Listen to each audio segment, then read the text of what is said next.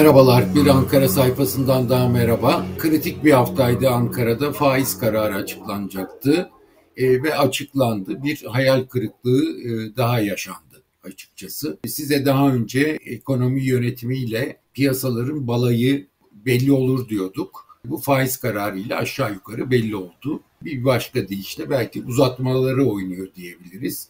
27 Temmuz'da Gaye Erkan Merkez Bankası Başkanı enflasyon raporu açıklanacak. Şimdi piyasaların gözü kulağı orada. Eğer orada da piyasaların beklentisi doğrultusunda tatmin edici bir şey çıkmazsa artık balayının bittiğini söyleyebiliriz. Ne diyeceğiz? Şimdiden o zaman yapacağım, atacağımız başlığı söyleyelim.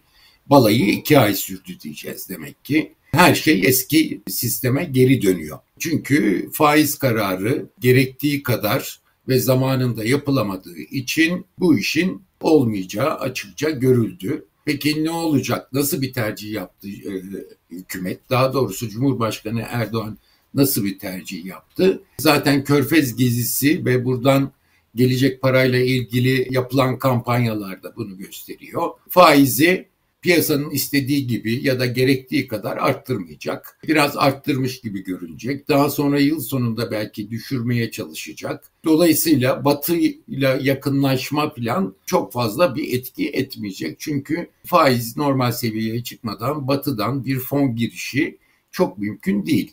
Ha, olur, Eurobond olur, e, Eurobond'a girerler. Efendim hisse senedi alabilirler aldıkları gibi. Ama buradan Türkiye ekonomisini yüzdürecek bir kaynağın olmayacağı açık. O zaman ne oluyor? Körfez ülkeleriyle ikili ilişkilerle bu işi götürmeye çalışacaklar ve faizin faiz arttırımı yapmadıkları için oluşan açığı buradaki sermaye girişiyle kapatmaya çalışacaklar. Bunu da göreceğiz. E ne olacak? Ama her şey eskiye döndü diyebiliriz. İsimler iki tane isim zaten yeni ekonomi yönetiminde umut bağlanmıştı rasyonel politikalar için ama rasyonel politikaların uygulanmayacağını gördük. Şimdi orada ne olacak? Bu yöneticiler ne yapacaklar? Göreceğiz. Şu andaki çabalarını uyum gösterme yönünde gösterdiklerini şahit oluyoruz baktığımız zaman. Ama e, bu ne anlama geliyor? Piyasalara müdahalenin devam edeceği önümüzdeki dönem oldu, e, anlamına geliyor. Çünkü faizler belli bir seviyeye çıkmadan dövize olan talep devam edecek ve bunu, bunu durdurmak için de müdahaleleri arttıracaklar. Zaten Merkez Bankası'nın son açıklamasında bir anlamda çıkardığımız sonuçta biz faizi kullanmak istedik ama yapamadık. Şimdi başka tedbirlerle gemiyi yüzdürmeye çalışacağız. Zaten enflasyonla mücadeleyi de bu süre içerisinde unuttuk gibi bir şey sonuç çıkarabiliriz. Sıkışacaklar, çok sıkışacaklar. Rezervlerde düşüş başladı çünkü. Bu önemli bir nokta. Kuru serbest bıraktılar, müdahaleyi bıraktılar. Rezervlerde 18-19 milyar dolarlık bir artış oldu. Geçtiğimiz hafta bu 3 milyar dolara inmişti net rezervlerdeki artış. Ama bir önceki hafta ama geçtiğimiz hafta içerisinde gördük ki yeniden rezervlerden yemeye başladılar. Yeniden müdahaleyle kuru tutmaya çalışıyorlar. Yeniden kontrollü kur uygulamasına geçtiler. Serbestleşme yok. Şimşek ne demişti? Serbestleşme olacak, şeffaflık gelecek, rasyonel politikalar uygulayacağız. Uluslararası normlara uygun ekonomi politikaları uygulayacağız. Arka kapıdan müdahaleler yapmayacağız. Bunların hepsi tersine döndü.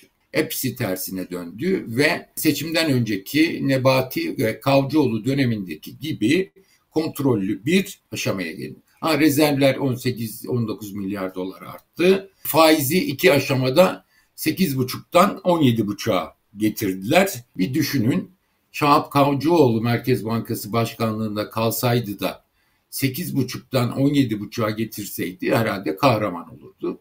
Ama Mehmet Şimşek şu anda verilen bütün umutları, o politika değişecek diye verilen bütün umutları Mehmet Şimşek'in yerine getiremediğini çok açık biçimde gördük. İki ay geçti dediğimiz gibi şeye geldi. Ama bir açıdan baktığınız zaman daha mı iyi oldu, daha mı kötü oldu diye baktığınız zaman bizim beklentimiz neydi? Faizler negatif reel faiz daralacak E, ve bu Türk lirasına olan yeniden cazibe kazandırılacak. Bu yolla da enflasyonla mücadelede yapılacaktı. Şimdi baktığımız zaman 8,5 iken faizler kaçtı enflasyon beklentisi? Yüzde 40 gibiydi. Yani yüzde 30'luk kabaca bu hesaplar çok kaba tabii. Yani reel faiz hesaplamasında tefe var, tüfe var, efendim ileriye dönük önümüzdeki bir yıl var, yıl sonu hesabı var, bir sürü hesap var ama kabaca yapıyoruz. Yüzde otuzdu negatif reel faiz. Şimdi faizler yüzde yirmiye çıktı diyelim önümüzdeki ay içerisinde. En fazla belli oluyor ki en fazla yüzde yirmi beşe kadar çıkacaklar zaten. Yani 25 bile değil belki 22 buçukta kalacaklar gözüken. 25'e çıktıklarını varsayalım. 20 desek mesela önümüzdeki ay içerisinde enflasyon beklentisi ne oldu? %65-70. Yani negatif reel faiz %40'a kadar çıktı. Yani eskisinden çok daha kötü bir duruma geldi ve negatif reel faizin durumu daha da kötü. Bu, bu ne yapıldı peki? Mehmet Şimşek ne yaptı? Kurları serbest bıraktı, rezerv biriktirmeye ağırlık verdi. Kurlar fırladı. Seçimden bu yana %35 Türk lirası devalüe oldu ve bu enflasyonun en büyük sebeplerinden biri. Bir de bunun için seçim harcamalarını finanse etmek için bütçede vergi artışları yapınca enflasyon beklentileri daha da yükseldi. Neredeyse hesap yapanlar e, her hafta yükselte yükselte gidiyorlar. Ne olacağını bilemiyorlar. Bir başka sonucu bunun ne oldu? Cumhurbaşkanı dur dedi. Belki Mehmet Şimşek daha da artmasına izin verecekti kurun. Ama dur dendi. Şu anda dolarda 27 lira, euroda 30 lira korunan bir hedef haline geldi. Bir kontrollü kur uygulaması seçimden oldu, önce olduğu gibi yeniden başladı. %20'ye çıkılsaydı ilk başta %15'e çıkılması her şeyin tüm şeylerin başlangıcı oldu. %20'ye çıkılsaydı bu biraz daha piyasaya iyi bir mesaj verilseydi. Bu arada uygulanacak programla ilgili bir çerçeve açıklanmış olsaydı, güven sağlanabilseydi %20'ye ilk şeyde çıkardık. Daha sonra iki buçuk, iki buçuk, 25'e çıktığımızda bu 25 belki bilemediniz 30 yeterli bir hale gelirdi. Ama şimdi çok daha yüksek bir ihtiyaç söz konusu faizde. Bu kadar zaten Cumhurbaşkanı'nın enflasyonu yakalayacak bir faizi kabul etmesi mümkün değil. Enflasyon patlamış durumda. Şimdi bu niye yapıldı peki? Bu noktaya nasıl gelindi bu iki ay içerisinde Mehmet Şimşek niye yaptı? Bunu anlamış değiliz tam olarak. Yani özellikle kuru bu kadar bırakmasını, serbest bırakmasını anlamış değiliz. Rezerv artışı 18-20 milyar dolarlık bir artışın erimeye başladığı görünüyor. E bu zaten kısa sürede gidebilir. Ama insanın aklına şu geliyor. Belki de Mehmet Şimşek faizdeki Erdoğan'ın şeyini, direncini biliyordu. Belki de kurlarda e, kurların çıkmasına izin vererek istediği faiz artışını yapmaya çalıştı. Bilmiyoruz doğru mu? Ama insanın aklına bu ge- gelmiyor değil. Şimdi rezervlere bakacak olursak, tabloya bakacak olursak geçtiğimiz hafta içerisinde pazartesi günü net rezervler nötrdü. Yani ne eksilme ne artma vardı. Salı günü 300 milyon dolarlık bir rezervlerde azalma oldu. Çarşamba günü 400 milyon dolarlık bir azalma oldu. Yani perşembe günü de yine 300 milyon dolarlık bir azalma oldu. Yani 3 günde 1 milyar dolarlık bir rezerv erimesi oldu.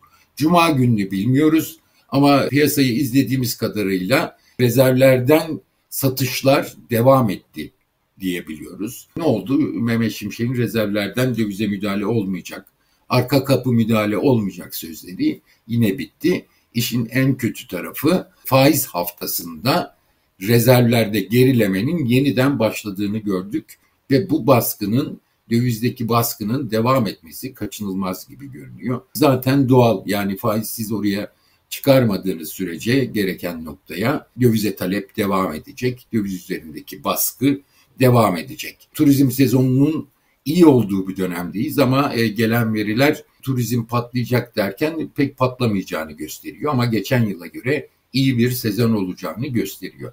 İhracatta sıkıntı var. 2020'nin ikinin ikinci yarısından itibaren uzmanların söylediğine göre ihracatta bir sıkıntı var. Kul artışlarına rağmen ihracatta miktarda da gerileme var. Amerika'ya bakacak olursak durgunluk sözleri, faiz artışları devam ediyor. Burada da yani önümüzdeki dönem için çok fazla umut ihracatta gözükmüyor. Buna karşılık ne oluyor? Son dönemde kesmeye çalışıyorlar. İç talep artmaya devam etti ama özellikle kurdaki beklentiler nedeniyle son iki ayda yaratılan yine beklenti nedeniyle dövize talep oldu. Artı insanlar KKM'den de gelen paralarını bir an önce ihtiyaçlarını öne çekmeye devam ettiler. Yani uzun zamandır talep öne çekiliyor diyoruz. Hala öne çekiliyor. Belki bundan sonra olur mu bilmiyoruz. Tasarrufa özendirecek bir politika olmadığı sürece belki bu devam edecek gibi. Sanayi üretimiyle ilgili elektrik tüketimi verileri çok iyi gitmediğini söylüyor. Ve bunun sonucu olarak da daha önce iç taleple büyüme sağlıyorduk. Dış talep o kadar şey değildi son bir yılda. Şimdi iç talepte de daralma gündeme geldi. Çünkü Merkez Bankası kredileri kısmak istiyor.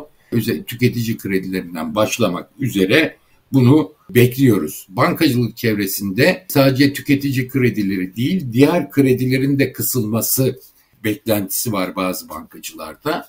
Ama biz buna çok ihtimal vermiyorduk. Son cuma günü OVP hazırlık toplantısı diye iş dünyasıyla Cumhurbaşkanı Yardımcısı Cevdet Yılmaz bir toplantı yaptı. Bu toplantıda biraz da gaz alma toplantısıydı herhalde. Şikayetleri dinleme toplantısıydı. Gerçekten de gelen talepler işte OVP filan ileriye dönük bir nasıl bir yapısal tedbirler filan gibi şeyler yok. Bir tek vergi reformundan filan söz edilmiş ama asıl sıkıntı iş dünyasının söylediği sıkıntı krediye erişimimiz yok. Bu sıkıntı olacak.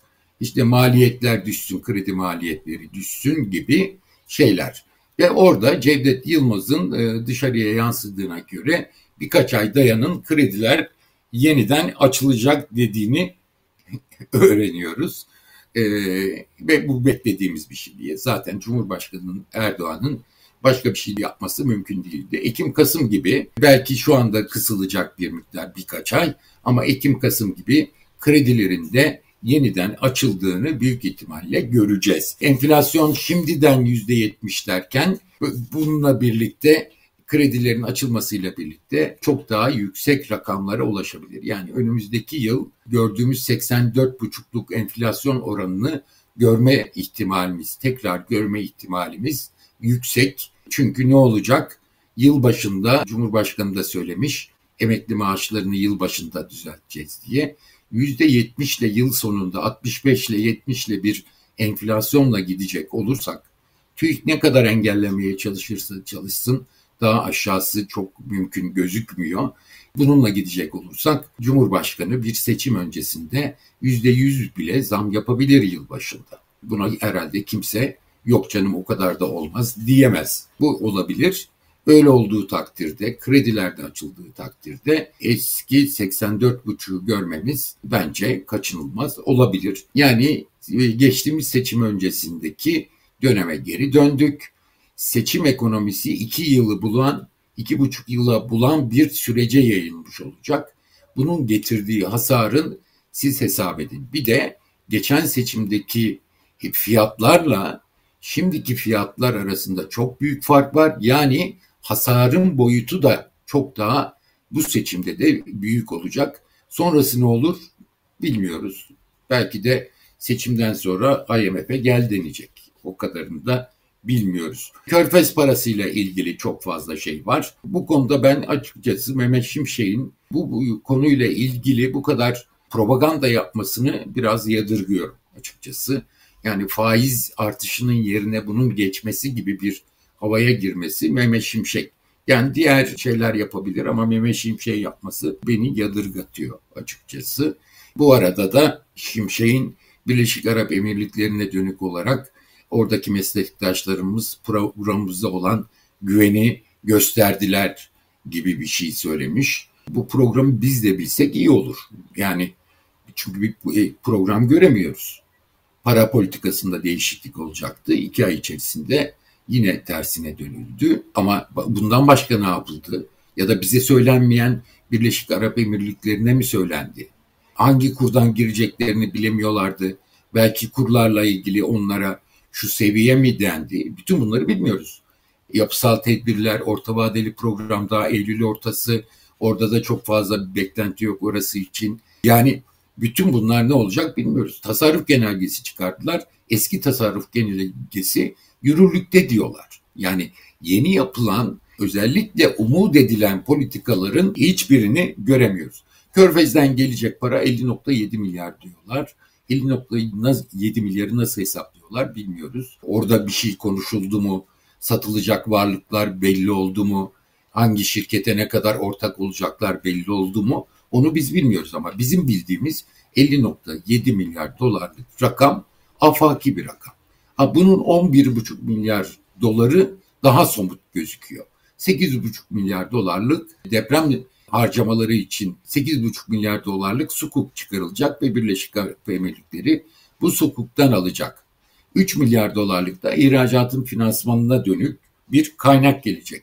Yani 11,5 milyar, milyar dolar bizim gördüğümüz o. Gerisi ne olacak? Ne zaman gelecek? Bütün bunlar meçhul. Bu 11,5 e, milyar dolarla sizin hiçbir şey yapmanız mümkün değil. Bunu da çok açıkça görmek lazım. Yani sadece bunu bir propaganda aracı olarak kullanıyorlar ama bu propaganda tutmadığı takdirde siz artacak dövizin talebini karşılayamadığınız sürece, bu gelen parayı da harcamaya kalkıştığınız sürece o zaman yaratılacak algı tam tersine olacak ve beklentiler daha da bozulacak. Bu arada Darama Cemoğlu'nun seçime kadar dayanır mı bilmiyorum dediği şeye ben de açıkçası katılıyorum. Geçen seçimde de söylemiştiniz siz bunu diyeceksiniz. Evet söylemiştik ama ne kadar zor yürütüldüğü ortadaydı. Şimdi de benzer bir durumla karşı karşıyayız. Yani bunun sonucunda ne olur derseniz, gerçekten tıkanma olduğu zaman ne olur derseniz, orada da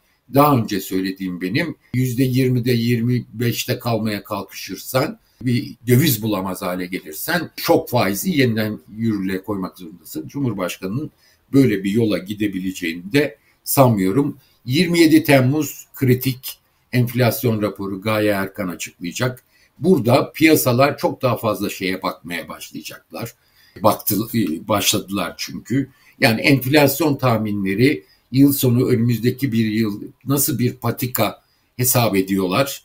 Piyasanın beklentilerine uygun mu değil mi bunu göreceğiz. Bu e, süreç içerisinde faizlerle ilgili nasıl bir yön Merkez Bankası'nın düşündüğünü göreceğiz. Politika faizi, diğer faizler. Rezerv politikasıyla kurlarla ilgili bir politikası olacak mı? Onu göreceğiz. Bütün bunlar tatmin edecek mi piyasayı? Onu göreceğiz burada yaşanacak hayal kırıklığı balayının tümüyle e, bittiğinin e, ilanı olabilir.